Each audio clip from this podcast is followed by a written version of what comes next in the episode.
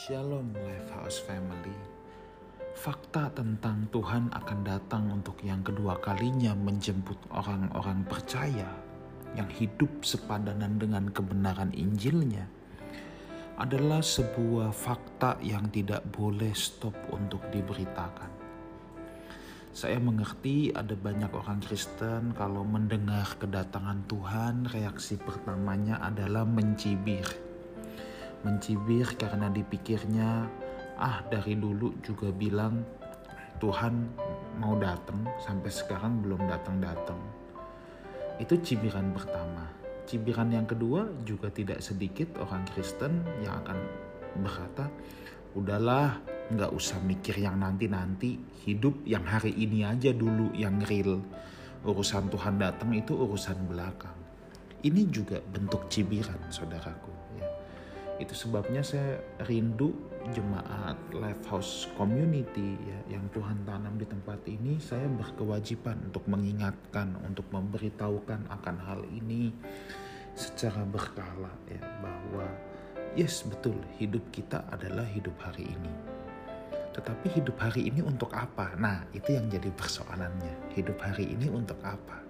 Nah, saya mau bacakan dulu dari Yudas pasal yang pertama ya, ayat yang ke-14 dan 15 juga tentang Henok keturunan ketujuh dari Adam telah bernubuat katanya ini luar biasa. Sesungguhnya Tuhan datang dengan beribu-ribu orang kudus hendak menghakimi semua orang dan menjatuhkan hukuman atas orang-orang fasik karena semua perbuatan fasik yang mereka lakukan dan karena semua kata-kata nista yang diucapkan orang-orang berdosa yang fasik itu terhadap Tuhan.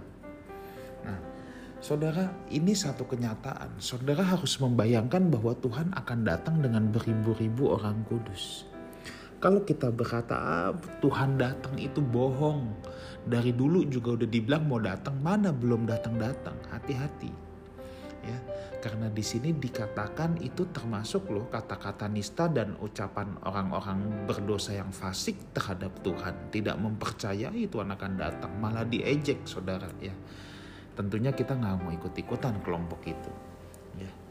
Lalu yang tadi yang saya katakan sikap yang kedua udah hidup hari ini aja yang real. Nah, ini ucapan itu setengah betul. Nah, setengah betul ya salah, Saudara ya. 50% betul ya juga tidak betul berarti. Betul, kita hidup yang real hari ini, tapi tujuan kita hidup itu apa? Kalau tujuan kita hidup real hari ini ya hanya untuk kehidupan yang saat ini, menikmati senikmat-nikmatnya saat ini, ini jadi berbahaya buat kita. Sebab kita akan bergeser dari pengharapan kita. Tetapi yang benar adalah betul kita hidup real hari ini, kita lakukan sebaik-baiknya hari ini guna menyongsong ini kedatangan Tuhan dengan beribu-ribu orang kudus. Jadi nanti Tuhan tidak datang sendirian. Tuhan akan datang dengan ribuan orang-orang kudus yang ada di Alkitab, saudara. Ya. Mungkin Paulus ikut dalam rombongan itu, Petrus ikut dalam rombongan itu, dan begitu banyak ribuan orang-orang kudus, saudara, akan datang menjumpai kita. Nah, tentunya saya juga tidak tahu ya, apakah kita adalah generasi yang akan menyaksikan dengan mata telanjang secara langsung kedatangan Tuhan, atau kita tetap keburu meninggal dulu. Ya, kalau kita meninggal, lalu kita dianggap sama Tuhan sebagai orang kudusnya juga ya nanti ketika Tuhan datang saya, saya percaya kita akan ikut juga dalam rombongan itu. Tetapi intinya pada kesempatan ini kita sebagai orang percaya kita tidak boleh meragukan hal yang satu ini. Sebagai orang percaya kita harus tetap berpegang. Kita harus tetap berpegang teguh bahwa pengharapan kita ada pada Kristus datang menjemput kita. Hidupi hari ini dengan maksimal, dengan sukacita, dengan semua yang baik yang Tuhan berikan kepada kita, ya. Tetapi jangan lupa pengharapan kita adalah kita akan dijemput oleh Tuhan. Kedatangan Tuhan menjemput orang-orang yang hidup berkenan di hadapannya. Dan inilah kebenaran itu bahwa kita punya kerinduan saudara. Untuk bertemu muka dengan muka dengan kekasih abadi kita Tuhan Yesus Kristus. Tuhan Yesus menyertai kita semua.